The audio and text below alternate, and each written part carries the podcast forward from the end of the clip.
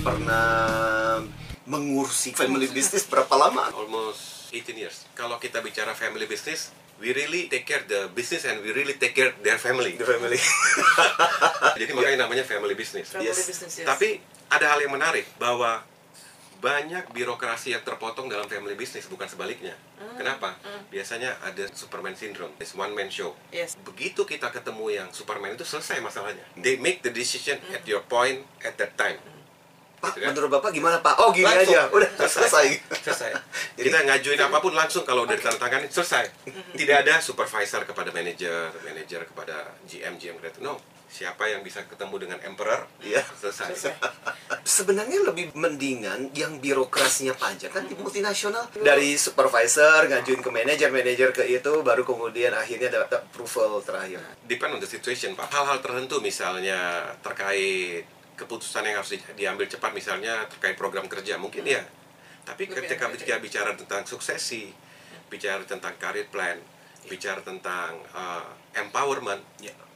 it's quite difficult to apply. Orang yang dikenal itu-itu aja. Mm-mm. So when Hmm. they don't know you, nowhere else. Jadi menarik nih, menjadi semacam tantangan juga karena di dalam family business kalau kamu masuk di dalam radarnya si owner atau radarnya keluarga, wah bersyukurlah dirimu.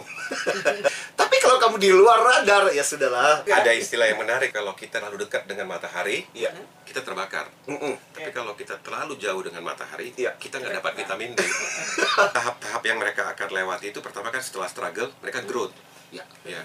Biasanya pada saat fast growing, they have a lot of money, banyak uangnya. Floating the money. Jadi mereka bersedia udah ngerekrut orang-orang dengan misalnya dengan kompensasi benefit yang tinggi. Tinggi, iya. Orang-orang baik masuk. Betul. Pada saat itu akan terjadi transisi yang namanya Mr. Outside. Pada saat masuknya orang-orang baru dari luar secara profesional, family members yang tadinya ada di board Ya. akan punya krisis baru. Hmm. Should I follow or should I deny? Nolak apa terima?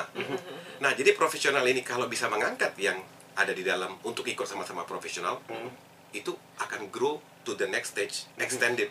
Oh, Jadi oke. akan stabil dia. Mereka bisa expand ke new business, tapi kalau dalam transisi itu dia tidak bisa stabil sampai di fast growing berhenti aja gitu. They don't wanna let go the authority and power to the professional. Professional. Itu jadi saya kategorikan di jenis perusahaan family yang ortodoks. Kalau perusahaan family yang sekarang recently banyak itu semua udah profesional. Ya. Mereka juga malu untuk melakukan hal-hal tersebut. Paling banyak mereka mungkin nunda keputusan aja, tapi nggak akan bilang ini salah itu salah. Why? They recruit the professional because they have the mindset that the professional is much better than them. Yes. Karena kamu lebih pintar, saya rekrut. Iya, betul. Kalau yang ortodoks, Ya. kamu bodoh, Bodoh. kamu bodoh, Pokoknya kamu pintar bodoh. gua seorang. Iya, Ya. makanya saya rekrut kamu. Di stage pertama itu berarti 0 sampai 5 tahun. Stage kedua itu perusahaan family misalnya 10 sampai 20 tahun berikutnya. Mereka akan punya masa yang namanya maturity. Jadi orangnya ibarat ide udah dikeluarin semua ya, udah dikeluarin. Market di industrinya pun berkembang. Ya. Jadi dia tidak bisa growth sebanyak itu. Ibarat gini, dari tidak ada menjadi 20 kan 20 persen. Ya. Tapi begitu udah ada market 20 persen, yang lain perusahaan pada masuk misalnya, dia nggak bisa growth sejauh 20 persen tadi. Ya. Pasti cuma satu persen, dua persen. Dan dia pasti dibully. Hmm. Generasi kedua. Cerita sejarah lagi. Dulu, waktu saya, pada saya pendirian ini, 20 persen kok kamu Nggak rekrut, rekrut profesional ini di generasi kedua nggak bisa. Ya. Nah, itu yang tadi kemampuan untuk menjelaskan analisa itu nggak bisa lagi pakai-pakai data-data yang speak, harus pakai data otentik. Sekarang kuenya ada 100, Pak. Kita itu sebenarnya market share-nya 35, kita udah leading the market. Nah, hal-hal ini kebanyakan masalah di komunikasi. Misalnya industri tekstil, Cina buat lebih murah, terus kita dituntut bisa harga dengan Cina. Terus kenapa market share-nya nggak bisa? Lah, yang impornya masuk masih tetap lebih murah, ya orang beli yang murah. Iya. Jadi kita kuenya makin dikit yang untuk dimakan, yang makin banyak yang makan gitu. Ya. Jadi gini Pak, kalau kita bicara mengenai family business ya, mereka dalam melakukan perubahan untuk menjadi profesional itu mengalami beberapa tahap. Biasanya begini, mereka mulai dalam fase yang pertama kali gitu ya, perusahaan itu terjadi, Ya. istilahnya founding father, struggle space lah. Biasanya begitu mulai ada profesional satu atau dua yang masuk, Mm-mm. tahap pertama mereka shock and surprise. Loh kok ada aturan begini ya? Kok ada sistem begini ya? Kok ada prosedur begini? Tahap kedua yang akan mereka lakukan biasanya denial and refusal. Hmm. Mereka menolak. That guy can be fired as well. ya kan? Yang tadi mungkin dari dari Harvard Business Pak Business School School. gitu kan bisa get fired. Tapi kalau orang profesional yang masuk tadi ngerti tentang emotional question, Ya. yang akan dia lakukan adalah dia menyampaikan the rational behind the change. Ah, oke. Kenapa sih Pak? Why you have to change, this? Ya. Kalau kamu berubah, apa sih yang akan terjadi? Ya. Konsekuensi logisnya apa sih yang akan terjadi kalau kamu berubah? Biasanya kalau masuk pada second generation tuh is easier. Ya. Tapi kalau first generation, you have to struggle a lot. You have to come with the Ya. gelombangnya yang lebih besar. Ya. Kalau cuma satu orang, impossible. Tahap keempatnya, mereka akan mulai tahap emotional acceptance. Mereka menerima secara emosional. Kayaknya sih yang diomongin ada benernya Ya, sih ya. ya. Kenapa? Hmm. Perusahaan-perusahaan sebelah itu kayaknya jadi maju. Setelah itu, mereka akan mulai exercise. Hmm. Panggil konsultan. Mau rubah perusahaan. Habis itu mereka akan realize. Setelah mereka realize, Ya. they try to integrate. Ya. Nah, pada saat itu biasanya profesional udah banyak yang masuk. Biasanya dalam proses itu mereka berusaha untuk merubah perusahaan family menjadi perusahaan terbuka. Integration part itu penting bahwa itu teraccept. Kalau enggak mereka kembali ke Balik lagi tahap di satu lagi, Oh. shock lagi. new shock. New shock. Oh, ini digital ya? Digitalisasi. Oh, ini new shock lagi. Apakah dengan mempekerjakan seorang profesional, sebuah family business langsung bisa disebut dengan profesional? Ketika orang profesional itu masuk Yes. dan mereka tidak punya strong value, yang terjadi adalah mereka bekerja bersama-sama, bukan kerjasama. Hmm. Masing-masing bekerja. Ya. Kenapa? Biasanya di perusahaan-perusahaan family yang sangat-sangat ortodoks, Yes. they don't want to share the power. Hmm. Ya, jadi kepalanya dilepas, buntutnya dipegang terus. you have the title, you have the rank, but Ya. you don't have the authority to make a decision. Eh, bener banget. Dan saya merasa bahwa ini keluhan yang paling banyak terjadi pada perusahaan-perusahaan keluarga yang transformasinya nggak beres. Nah, kalau profesionalnya smart enough, yang harus mereka propose adalah degradasi otorisasi. Share authority, share the power, Ya. tapi degradasinya jelas sesuai dengan tanggung jawabnya. Oke, how? Dibuat aturannya. Oke. Level ini boleh putusin apa? Hmm, Level oke. ini boleh putusin apa? Tetap kekuasaan tertinggi memutuskan hal-hal yang besar dan sangat-sangat luar biasa. Ya. Satu hal lagi yang paling sering terjadi adalah para profesional ketika berbuat salah, mereka nggak mau coba lagi. Takut dah kalau nanti besok gue diomelin lagi. Ya. Jadi profesional tidak ada kaitannya. Saya pernah kerja di perusahaan profesional, I'm educated, masuk ke perusahaan itu, if I don't make change, no, you're not professional. Iya. Apa yang membuat perusahaan family business susah untuk profesional sih, Pak? Biasanya ada kesepakatan di dalam keluarga yang jadi prestis harus putra mahkota. Misalnya, Iya. Tapi it happen juga banyak putra mahkota yang berhasil Iya. Iya. asal kompetensinya mumpuni. Tapi ada yang misalnya cucu kesayangan. Ini karena cucu kesayangan langsung dijadiin direktur keuangan. Misalnya, oke kita lakukan asesmen dulu ya. Kalau emang Ya. cucu ini baik, ya udah let him in the board. Tapi kalau enggak, tolonglah jadi investor aja atau jadi penasehat misalnya atau Ya. jadi apa gitu. Ya. Tapi jangan jadi eksekutif. Ya. Dan ini ada satu kejadian yang menarik juga, agak profesional. Jadi bapak sama ibu, suami istri ceritanya tidur malam, terus ngobrol lah tentang perusahaan. Eh perusahaan saya gini gini gini dan sebagainya. Oh ya, harusnya kamu gini gini dong. Nah hasil obrolan malam itu besoknya menjadi policy, menjadi kebijakan. Suksesi itu selalu jadi teka-teki. Saya pernah mengenal salah satu perusahaan keluarga pada saat saya magang. Semua orang berpersangka, oh ini anak yang paling pintar akan jadi CEO. Oh, anak kakak yang paling gede itu, yang sekolahnya di India itu jadi. Iya. Oh enggak enggak itu yang jago finance tuh, yang di sekolah di Amerika. Semuanya salah. Mhm. Yang dipilih malah yang biasa-biasa. Orangnya asik sama karyawan. Orangnya bisa menyelesaikan masalah di lapangan. Saya nanya pada saat itu, kenapa sih yang dipilih bukan yang paling pintar? Mhm. Yang paling pintar biasanya katanya menyelesaikan masalah dengan segala dalil. Jadi lama. Tapi yang street smart itu, dia akan menyelesaikan masalah dengan cara yang banyak bisa diaccept dengan banyak orang. Mhm. Kenapa? Dia bergaul istilahnya. Nah, terus nggak perlu pinter-pinter banget, yang penting bisa manage orang pinter. Oke. Ya, jadi biasanya hambatan dalam sukses itu pertama kali adalah cara yang buruk dalam mengekspresikan perasaan dan keinginannya. Kalau ini kita family member ya, Ya. kakak paling gede punya anak dua, kakak nomor dua punya tiga, punya lima. Masing-masing mereka itu tidak bisa mengekspresikan diri mereka, why they should choose me. Ya. Jadi caranya eh, Tergantung. ber- tergantung orientasi kedekatan, betul. Iya. Padahal kalau sekarang saat ini they need the acceptance from the employee ataupun the subordinate. Misalnya Hmm. direkturnya bilang, "Ya, yang paling pantas sih Pak Martin. Kenapa Pak Dharma yang dipilih?" Gar- Nanti perusahaannya akan mengalami kerugian yang besar Hmm. cuman gara-gara pilih suksesi, gara-gara persepsinya owner. Kedua, yang dipilih adalah orang yang bisa mengendalikan. Mhm. Macam-macam nih, mengendalikan perusahaan, mengendalikan family, Ya. dan mengendalikan misalnya finansial. Ya.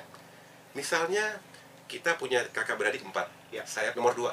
Selama saya bisa komunikasi, Pak Martin, Bapak diam aja. I give you the dividend in the end of the year. Mhm. You don't involve, kata Ya. Bapak nggak ngerti manajemen. Iya.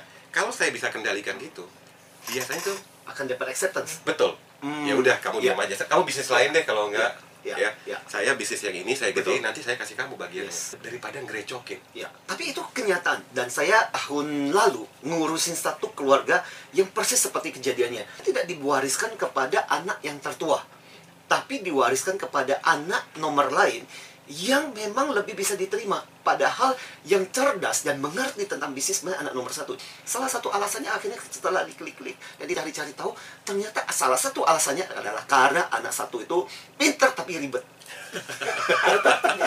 Banyak orang berpikir, ah itu perusahaan keluarga, ah, kerja di profesional multinasional kayaknya gajinya lebih gede. Nah, mari kita confirm dari orang HR-nya. Walaupun itu perusahaan family, HR-nya tetap benchmarking sama Hey.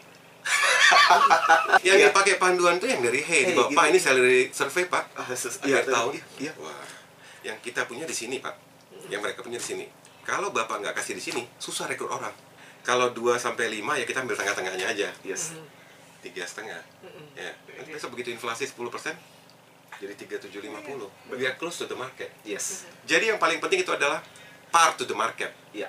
tapi harus dipastikan kompetensinya juga nah satu lagi kalau kita lihat kalau di perusahaan family ortodoks biasanya direkturnya itu misalnya anaknya owner atau ponakan Ya. tapi GM GM-nya biasanya very very strong Hmm. mereka Ya. they are running the things tapi mereka mau naik ke atas itu sulit tapi gajinya bisa sama sama yang anaknya bos kenapa jobnya di enlarge Hmm. nggak bisa enrich Ya. dia enlarge Enlarge. dan orang-orang ini bisa sangat-sangat powerful di perusahaan itu sangat-sangat powerful kenapa yang dikerjakan area terlalu banyak Ya. jadi apa yang terjadi itu kelemahan di bisnis family mereka akan tergantung sama orang-orang ini Hmm. jadi Yes. orang ini akan jadi dinosaurus sampai lama Ya. susah Saya sangat setuju karena saya mengenal di dalam bisnis keluarga yang sekarang ini kita handle ada banyak sekali profesional-profesional yang kemudian benar-benar sangat dipercaya.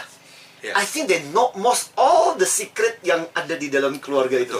Betul Tapi mereka sangat dipercaya dan saya yakin mereka hidup dengan sangat sukses dan luar biasa. Ya. Jadi sampai saya pernah ketemu salah satu perusahaan Yes. 20 tahun lalu, Iya. saya tanya, Pak, ini orang sudah tidak produktif, kita selesaikan saja. Jawabnya adalah, Pak Dharma, sebelum you ada, dia sudah ada di perusahaan ini, bantu saya bangun perusahaan ini. Biarkan dia kerja sampai bosan. Jadi biasanya yang saya usulkan kepada manajemen HR pada saat itu adalah keluarkan orang-orang ini dalam sistem. Kenapa? Nggak bisa dikembangin, nggak bisa. Iya. Mau dibuat performance appraisalnya, nggak bisa, Iya. nggak valid. Iya. Keluarkan Nggak aja dari buat sistem. mereka, Iya. iya. Iya. Untuk menjadi profesional di perusahaan family itu ada tips namanya ACEMAN. A C E M A N. E yang pertama itu Achievement. adalah acceptable. Bahwa Iya. kamu itu dapat diterima. Hmm. Ya. Terus kamu itu bisa buat keputusan yang decisif itu di tempatnya A yang tadi itu. Ya. Acceptable. Acceptable ya. Yang kedua, C-nya itu adalah Mhm. you have to be charismatic. Kita harus bisa menjadi bapak buat anak-anak di bawah, bisa bikin perubahan, bisa empowerment, bisa Hmm. delegating. Ya. Jadi kalau nggak ada sosok itu nggak bisa bikin perubahan. Hmm. You make the change they don't wanna follow. Ya. Charismatic di sini adalah istilah saya PEO, person of extraordinary. Hmm. Oke. Ya, jadi dia Yes. harus extraordinary. Ya. Terus dia harus visionary. Mhm. Dan kadang-kadang kalau sedikit charming itu akan menguntungkan. Hmm. Itu di poin yang C. Yang E-nya itu adalah energetic. Oh. Ya. Jadi dia harus menjadi the idea hunters, ya kan? Eksekusinya cepat. Ya. Orangnya hardworking, Ya. physically fit. Yang jadi menunjukkan dinamikanya perusahaan itu dia. Tiga hal yang berikutnya adalah man. Men. M-nya itu adalah managing. Dia bisa mampu manage, take Ya. charge, Hmm. ngambil alih kendali, Hmm. bertanggung jawab, siap disalahkan, siap dikorbankan.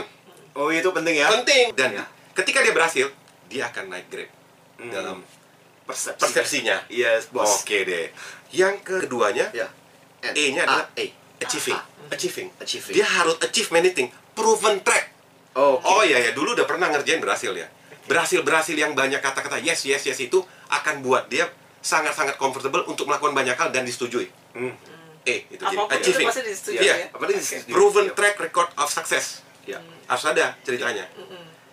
N yang terakhir adalah kalau dia ke mall banyak orang yang panggil dia Hai Pak Martin eh Pak Dharma berarti networkingnya bagus Oke. jadi kalau nggak ada orang kenal dia bahaya ya jadi Ya. dia akan develop maintain dan utilize high level of contacts jadi dia banyak bisa pakai jadi kayak masalah itu selesai Ya. mau selesaikan ini dia telepon sana temannya datang bisa beresin ini Ya. ada masalah finance kenal konsultan pajak bisa beres Ya. ini kalau nggak ada yang N ini bahaya Ya. ya jadi networking itu sangat penting jadi ace man ini sangat sangat penting buat orang untuk menjadi profesional di bisnis family Wow. salah satu kunci sukses di perusahaan family itu adalah mereka harus managing konflik Hmm. itu yang paling berbahaya biasanya Ya. Jadi ketika misalnya kan kalau satu bapak satu mama anaknya empat itu kan oke kan mamanya cuma satu Ya. pas generasi kedua mamanya udah ada empat anaknya delapan Iya kan Iya. Udah bercabar ya? udah mamanya empat Kan tadi kan mamanya satu Iya. mah gini gini oke beres kan ini Iya. mamanya ada empat Ya. Ini udah sepupu sepupuan ada tante tantean iya. kok anak lu? Kok anak lu yang jadi anak lu? Nggak? nanti di generasi ketiga udah cucu. Berapa mamanya itu? Ada ibu suri ada ibu beneran sama ibu-ibu. Ya udah tiga generasi ada 15 perempuan itu. Buku salah satu saya baca saya lupa pengarangnya. Judulnya Nine Elements of Family Business. Boleh dicari di Google. Dia bicara tentang namanya Queen Syndrome. Jadi sepowerful powerfulnya CEO itu di perusahaan family kalau ibunya bilang enggak nggak jadi. Rapatnya sudah 36 kali. Ya. Jadi the mother said is no. the No. queen not the mother the queen. Oh, the queen ya, the the queen. queen. because the queen we never leave the womb. Dulu saya punya pengalaman pengalaman di salah satu perusahaan keluarga kita minta izin loh. Ngobrol tapi nggak usah minta izin. Hmm. kayaknya saya mau bikin gini. Oh jangan. Jangan ya kayak gitu.